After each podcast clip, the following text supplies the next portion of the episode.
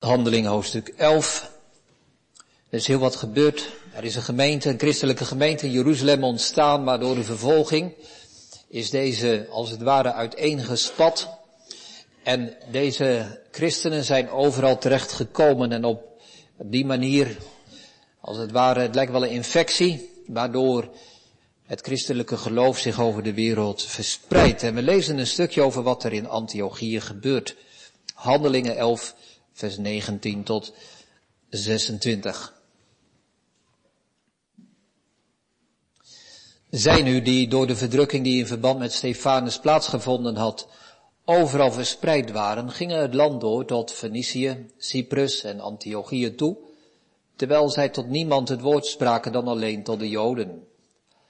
Waren onder hen echter enkele mannen van Cyprus en uit Cyrene, die toen ze in Antiochië gekomen waren, het woord richtten tot de Grieks sprekenden en de Heer Jezus verkondigden. En de hand van de Heere was met hen. En een groot aantal geloofde en bekeerde zich tot de Heere. En het gerucht over hen kwam de gemeente die in Jeruzalem was ter oren. En ze zonden Barnabas uit om het land door te gaan tot Antiochië toe. En toen hij daar gekomen was en de genade van God zag, werd hij verblijd en spoorde hij hen allen aan om met een hartelijk voornemen bij de Heere te blijven. Want hij was een goed man en vol van de Heilige Geest en van geloof en er werd een grote menigte aan de Heere toegevoegd. En Barnabas vertrok naar Tarsus om Saulus te zoeken en toen hij hem gevonden had, bracht hij hem naar Antiochië. En het gebeurde dat zij een heel jaar met de gemeente samenkwamen en een grote menigte onderwezen en dat de discipelen voor het eerst in Antiochië christenen genoemd werden. Tot zover. De tekst is vers 23. Handelingen 11 vers 23. En toen hij daar gekomen was en de genade van God zag, werd hij verblijd en spoorde hij hen allen aan om met een hartelijk voornemen bij de Here te blijven. Het thema boven de preek is Amsdrager bij de genade van God. Amsdrager bij de genade van God. We hebben drie gedachten. Ten eerste wat wij zien. Ten tweede wat God ziet. En ten derde wat wij zeggen. Ten eerste wat wij zien in de lijn met wat Barnabas zag. Hij zag de genade van God en werd verblijd. Ten tweede wat God ziet. We zullen zien dat deze tekst niet op zichzelf staat, maar ook iets zegt over hoe God ziet. En ten derde wat wij zeggen, het tweede deel van de tekst, hij spoorde hen alle aan om met een hartelijk voornemen bij de Here te blijven. Dat zijn de drie gedachten voor de preek. Gemeente, het gedeelte dat wij lazen gaat over de start, over het ontstaan van een nieuwe christelijke gemeente in Antiochië in Egypte. Dat was niet omdat daar een pioniersplek werd gesticht, maar het was een, ja, eigenlijk een soort bijeffect van de vervolging. In Jeruzalem werd de gemeente vervolgd en de mensen vluchtten alle kanten op. Ze vluchtten naar het noorden. Vers 19 noemt Fenicië. Ze vluchtten naar het westen. De tekst spreekt over het eiland Cyprus. En ze vluchtten naar het zuiden, Antiochië, in Egypte. Die mensen daar, die, die vertellen dat ze christen zijn. Dat is mooi om te lezen. Zij richten het woord tot de Joden, aanvankelijk, maar sommigen, zelfs vers 20, gaan verder en, en, en spreken ook tot Grieks sprekende mensen, dus tot heidense mensen zonder Joodse achtergrond. En ze vertellen hen over de Heere Jezus. Je ziet in die eerste hoofdstukken van dit Bijbelboek hè, dat die christelijke gemeente nog nog aarzelt over de vraag, is dit werkelijk voor de hele wereld bedoeld, voor ieder mens die het horen wil? Ja, want staat erbij in vers 21, en de hand van de Heere was met hen, een groot aantal geloofden en bekeerden zich tot de Heere. En de Heere is dan de Heere Jezus. Dat is eigenlijk altijd zo in het Nieuwe Testament. Als we de naam Heere tegenkomen, mogen we aanvullen de Heere Jezus. Dus God werkt daar in die mensen en en er ontstaat een gemeente. Prachtig natuurlijk, maar laten we maar eerlijk zijn gemeente, het is nogal een rommelig begin van die gemeente. Er komen mensen tot geloof, Joodse mensen, heidense mensen, ze ontmoeten elkaar. Er gebeurt van alles. Maar er is niemand die opzicht heeft. Er is niemand die de leiding heeft. Als dit gerucht dan ook in Jeruzalem komt, zegt vers 22, besluiten ze daar om Barnabas erheen te sturen. Niet als evangelist of zo, maar eenvoudigweg om te beoordelen wat daar gebeurt. Hij moet daarheen, hij moet ervan rapport gaan terugbrengen om te zeggen, wat gebeurt hier? Is dit het werk van God, ja of nee? En er staat bij in vers 24 dat hij een goed man was en vol van de Heilige Geest en van geloof. We kennen deze Barnabas eigenlijk al vanuit hoofdstuk 4, waar staat dat hij een akker verkocht heeft en het geld vrijwillig en in overdaad aan de gemeente gegeven heeft. Nou, dat is Barnabas en hij gaat op reis. Hij verlaat Jeruzalem en hij komt aan in Egypte, in Antiochië. En wat ziet hij daar, gemeente? Wat treft Barnabas aan als hij daar komt? Nou, hij ziet een jonge gemeente met gebrek aan kennis.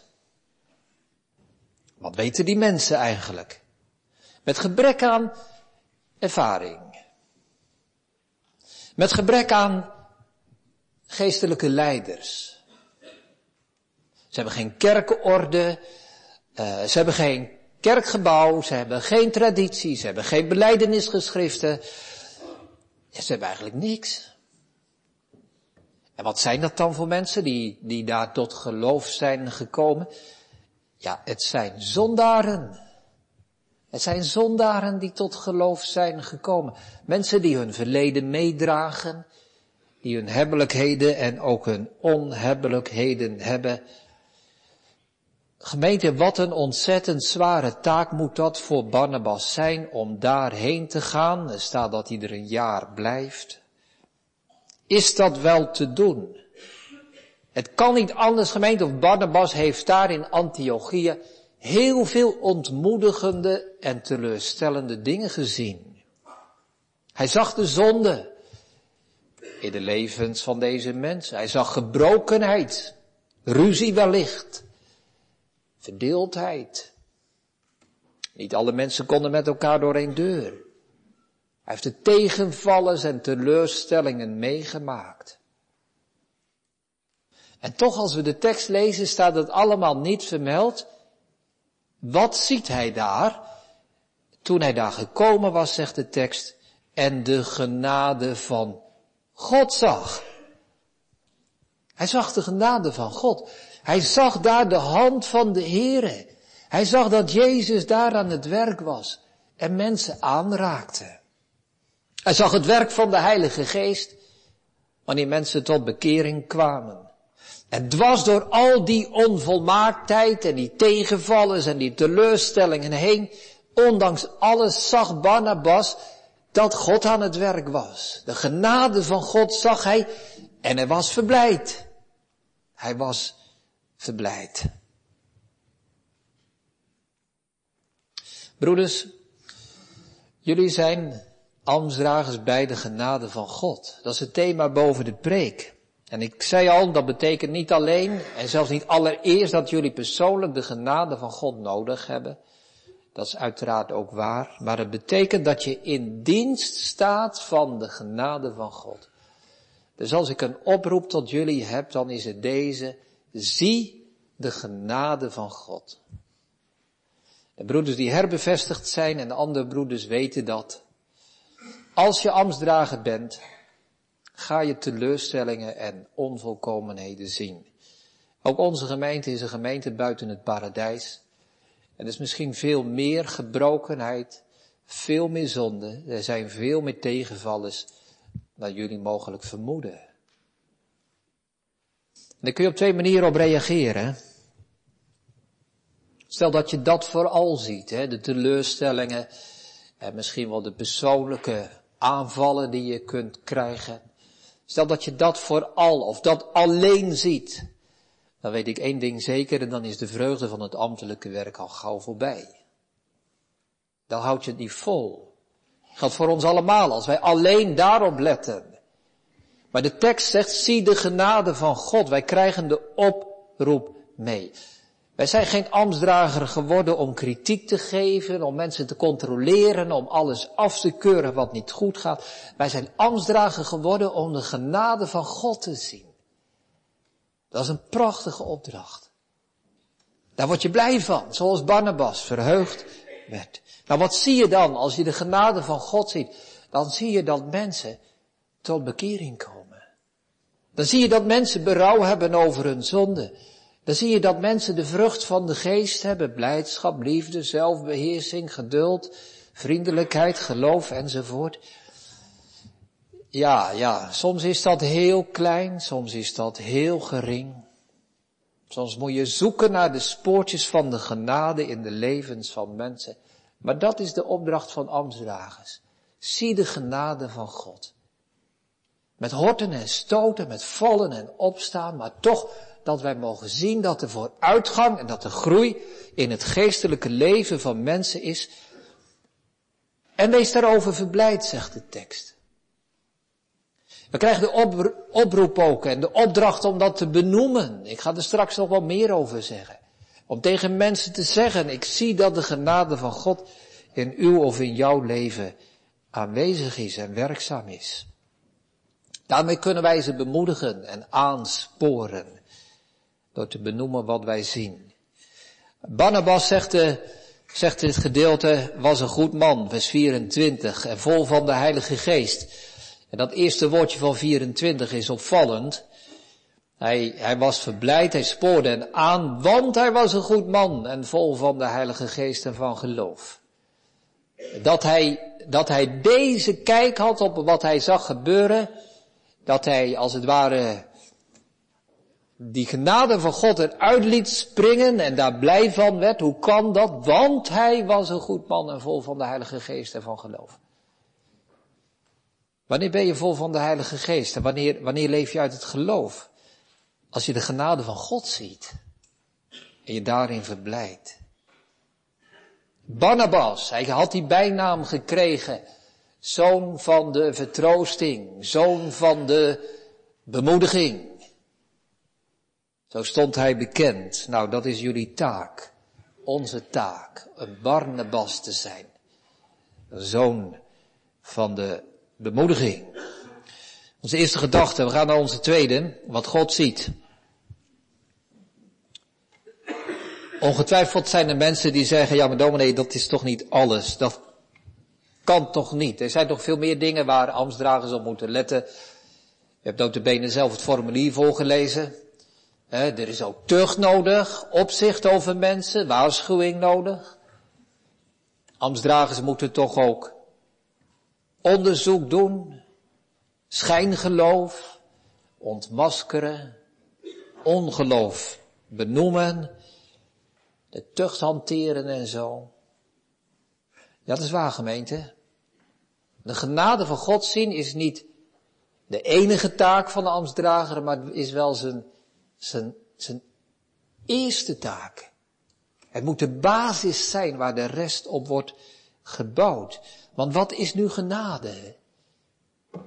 De genade van God. Genade betekent, gemeente, dat je goed doet zonder dat die ander dat verdient. Dus als God ons genade geeft, dan kijkt Hij niet naar u en naar jou en dan denkt Hij niet, is die persoon het waard of niet? Nee, zonder aanzien des persoons geeft God zijn goedheid. Dat is genade. En de eer van God bestaat daarin, gemeente, dat Hij genadig is. God vraagt dat wij Hem eren, dat wij God verheerlijken, vooral in Zijn genade. God wil dat wij Hem danken omdat Hij genadig is. Paulus zegt in Romeinen 4, vers 16, waarom is zalig worden nu uit geloof? Omdat door het geloof duidelijk wordt dat het uit genade is. Dus God wil dat wij hem prijzen om zijn goedheid. We zongen Psalm 145. Hij doet zijn gunst, zijn genade aan alle klaar bemerken. Zijn goedheid ligt verspreid op al zijn werken. Alles wat God doet is genade. God vraagt niet onze offers. God vraagt niet onze werken. Psalm 50 zegt, roep mij aan in de dag van benauwdheid. Ik zal u eruit helpen en u zult mij eren, genade. Dus dat moet de basis zijn. En ik ga nog een stap verder, gemeente. Dit is ook de manier waarop God zelf met mensen omgaat. Dus, dus wat wij hier zien bij Barnabas staat niet op zichzelf, maar Barnabas laat iets zien van het karakter van God. En wat hij zegt en ziet, is de manier waarop God dingen zegt en ziet.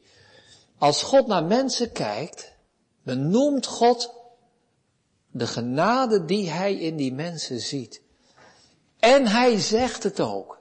Ik ga een paar voorbeelden geven, gemeente, en het zou een mooie bijbelstudie zijn om nog meer, veel meer voorbeelden op te zoeken. Maar luister eens wat God tegen Noach zegt, hè. Genesis 7. Noach, ik heb gezien dat u te midden van uw tijdgenoten voor mijn aangezicht rechtvaardig bent. God zag natuurlijk nog veel meer in het leven van Noach. Als je verder leest, dan is één ding wat duidelijk, dat Noach geen volmaakte man was, in tegendeel. Maar wat zegt God tegen Noach? Noach, ik zie dat jij rechtvaardig bent. Wat zegt God tegen Job?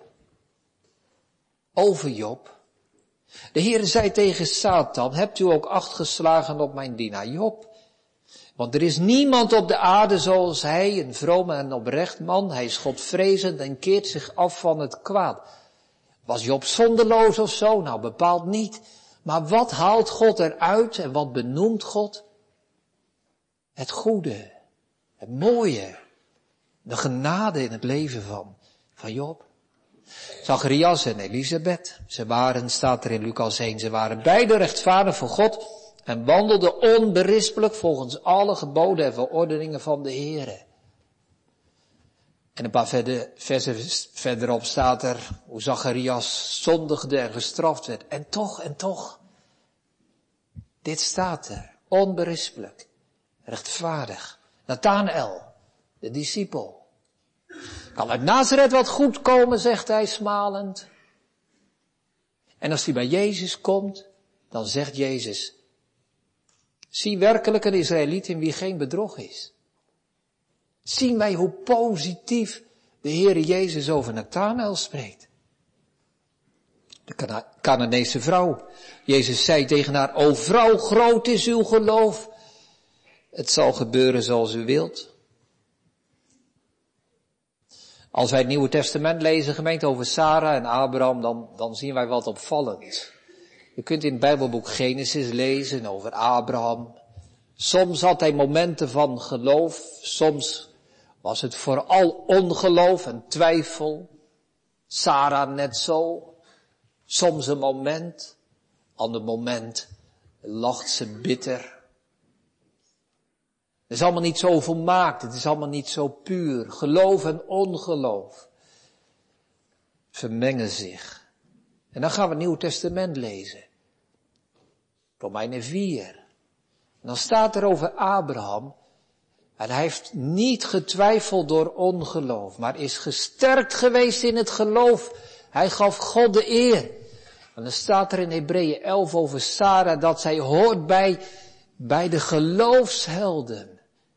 Prachtig is dat gemeente. Het lijkt alsof uit heel de levens van deze mensen God, God die flitsen van genade en van geloof eruit licht en zegt als ik nu iets uit de levens van deze mensen wil onthouden, dan is het, is het dit. Zo gaat God met mensen om. Calvijn zegt dat onze onvolmaakte werken door het offer van Christus gereinigd worden, zodat ze aangenaam zijn voor God. Kortom gemeente, wij zien dat Barnabas doet wat God zelf doet. Zo gaat God met mensen om. En zo worden jullie bevestigd als ambtsdragers. God bevestigt jullie. Je kunt zelf je twijfels hebben en je vragen, ben ik wel geschikt? Ik heb mezelf een beetje, ik weet, ik weet dat ik een zondaar ben. Maar God bevestigt jullie. En wij als gemeente willen jullie bevestigen. Prachtige uitdrukking, bevestiging van ambtsdragers. Dat betekent dat wij als gemeente tegen jullie zeggen, wij zien de genade van God in jullie leven. En we zijn er verblijd om. En we willen jullie graag laten weten en zeggen dat wij die genade zien om jullie aan te moedigen en te bevestigen en aan te sporen om dit werk te doen. Dat is bevestiging. Dat is wat we vanmorgen tegen jullie willen en mogen zeggen. Bevestiging. Jullie zijn geroepen. Jullie hebben een taak.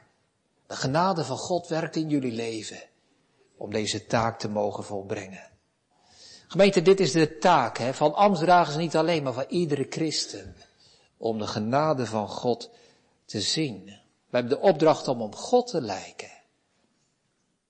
Dan mag ik die vraag eens stellen. Wat wil jij, wat wilt u nu zien hè, in andere mensen? Praat je vooral over de negatieve dingen? Denk je een goede ambtsdrager is eigenlijk iemand die, die kritisch is? En die niet zomaar iedereen overneemt? Die waarschuwt, die in twijfel trekt. Pas op voor zelfbedrog. Ja gemeente, ja. Op wie lijken we dan, hè? Niet op, de, op onze milde God. Er is een uitdrukking voor in de Bijbel. De aanklager van de broederen. Dat is niet God, dat is de duivel. De duivel heeft altijd wat te klagen. En aan te klagen over de kinderen van God. De duivel komt nooit verder dan kritiek. Wil je zo zijn? Is dat je, je houding? Altijd maar kritisch zijn. Dan lijk je niet op God, dan lijk je niet op de Heer Jezus. Ja, maar moet ik dan altijd alleen maar positieve dingen zijn? Mag ik dan nooit kritisch zijn? Wat mij opvalt in die vraag is, gemeente, dat woordje moet en dat woordje mag. Moet ik dan positief zijn? Mag ik niet kritisch zijn? Laat het andersom zijn. Mag ik positief zijn? Moet ik soms kritisch zijn? Ja, soms moet je kritisch zijn. Maar laat dat niet hetgene zijn wat we het liefste doen. Hoe dan wel? We gaan naar onze derde gedachte. Wat wij zeggen. We lezen in de tekst over Barnabas. Hij spoorde hen alle aan om met een hartelijk voornemen bij de Here te blijven. Ik kan niet zoveel meer zeggen over dat zinnetje gemeente vanwege de, de tijd. Maar ik licht dat woordje blijven er even uit. Hij spoorde hen aan om bij de Here te blijven. Hij zegt dus allereerst tegen die mensen, jullie zijn bij de Heere Jezus gekomen. En nu moet je bij hem blijven. Dus hij zegt niet tegen de mensen, je moet tot de Heer Jezus komen, maar hij zegt, dat hebben jullie al gedaan. Jullie geloven in hem. Ik zie het. Ik wil jullie daarin bevestigen. En nu spoor ik jullie aan om bij de Heere te blijven. Dat betekent om trouw te blijven aan de Heere Jezus. Blijf dicht bij Jezus. Laat niet los hoe het in je leven mocht beginnen. Je hebt hem vertrouwd, je hebt je omgekeerd, zegt vers 21, je hebt je bekeerd tot de Heere. Blijf dan ook bij hem. Dus wat hij doet gemeente is dat hij die mensen bemoedigt door te zeggen wat hij in hun leven ziet. Wij vinden dat soms wel spannend en we durven dat niet zo snel, maar ik denk dat het goed is om dingen te benoemen. Amstdragers allereerst, ik zei het al, maar ook gemeenteleden onderling. Om te benoemen als je de genade van God in het leven van andere mensen ziet, zeg dat ook. Zeg dat ook. dat, je, dat je zegt, ik zie in jou dat God de vrucht van de geest laat groeien, de, de vrucht van geduld of van zelfbeheersing. Dat helpt mensen enorm. Dat is aanmoediging om voor te gaan en bij de Heer te blijven. Er is veel onderzoek geweest, gemeente, even uitstapje, hè, maar door psychologen is er heel veel onderzoek gedaan wat kritiek en aanmoediging met ons doet. En de psychologen die adviseren ons om, om vijf keer zoveel positieve opmerkingen te maken als negatieve. Dus ouders, ik zeg het ook tegen mezelf, hoe gaan we met onze kinderen om? Als je nou zes opmerkingen maakt, zijn er dan vijf kritisch en één positief? Of zeg je vijf keer iets waarmee je je kind aanspoort, bemoedigt, steunt en één keer wat kritisch? Nee, laat het, laat het vooral zo zijn dat we elkaar aanmoedigen. En zeker, niet om de ander hoogmoedig te maken, maar om de genade van God te benoemen. Elkaar aan te sporen om bij de Heer te blijven met een hartelijk voornemen. Om de vrucht van de geest in ons leven en dat van anderen te mogen zien. Want gemeente, zo wordt de genade van God verheerlijkt. Hoe kunnen wij God prijzen? Door de genade van God in het leven van andere mensen te zien. God wordt wel misschien veel te weinig ook door ons geprezen, omdat we te vaak zwijgen. Omdat we niet zo vaak benoemen waar de genade van God te zien is. Wil je God meer prijzen? Zoek je naar manieren waarop je God kunt eren en verheerlijken? Nou ga op zoek naar de genade van God. In de christelijke gemeente, maar ook in de wereld, in de schepping. Ga eens kijken hoe je vandaag vijf of meer dingen kunt vinden waarvan je zegt dat is de genade van God. Daar zie ik dat de goedheid van God verspreid is op al zijn werken. En ik dank hem voor deze genade. Wil je verblijd zijn? Zoals Barnabas verblijd was. Wil je geestelijke vreugde ervaren? Ga op zoek naar de genade van God. In het bijzonder zijn reddende genade, zijn verlossende genade in de Heere Jezus Christus. Wat wij zeggen, laat dat onze opdracht zijn die we meenemen. Laat dat het voornemen zijn waarmee wij de toekomst ingaan. Om elkaar aan te sporen en te bemoedigen door te benoemen als wij de genade van God zien. Vandaag is het een dag om verblijd te zijn. Want wij zien vandaag in ruime mate de genade van een genadige God. Het is geen genade van een karige God. Het is geen genade die er dan nog net van af kan, gemeente. Het is de genade van een genadige God die niets liever doet dan zijn genade geven. We mogen het zien in de dienst die wij hebben, in de bevestiging, in het werk dat de broeders hebben gedaan die afscheid nemen. En wij mogen door het geloof vooruitzien naar dat moment dat we de tijd zullen verlaten en de eeuwigheid betreden. En dat die genadige God ons zal aanspreken. Wat zal hij zeggen, gemeente? Wat zal God ons zeggen als wij tot hem komen? Zal hij ons veroordelen om alle zonden die wij hebben gedaan? Zal hij ons onderzoeken met zijn diepe inzicht en zijn alwetendheid? Zal hij ons veroordelen omdat wij onvolmaakt zijn geweest? Hij zou het kunnen, gemeente. Maar hij zal iedere gelovige in Christus aanzien. En wat zegt God dan? Wat zegt God, Matthäus 25? Goed gedaan, goede en trouwe dienaar. Over weinig bent u trouw geweest, over veel zal ik u zetten. Ga in, in de vreugde, in de blijdschap van uw Heer. Wat een toekomst. Wat heerlijk dat wij een genadige God hebben. Een aansporing gemeente tenslotte. Voor ons. Degene die tot Christus gekomen zijn. Ik spoor je aan, ik spoor u aan om met een hartelijk voornemen bij de Heer te blijven. Blijf dicht bij de Heer Jezus. En voor degenen die nog nooit tot Christus gekomen zijn, heb ik ook een aansporing. Namelijk om tot Christus te komen. Om je tot Hem te bekeren. Je bent welkom, je mag tot Hem komen, Hij nodigt. Niemand wordt uitgeworpen. Hij verlangt ernaar om Zijn genade te geven. Want daarin wordt God het allermeest verheerlijk. Daarin ligt de eer van God. Dat onze God een genade God is. Amen.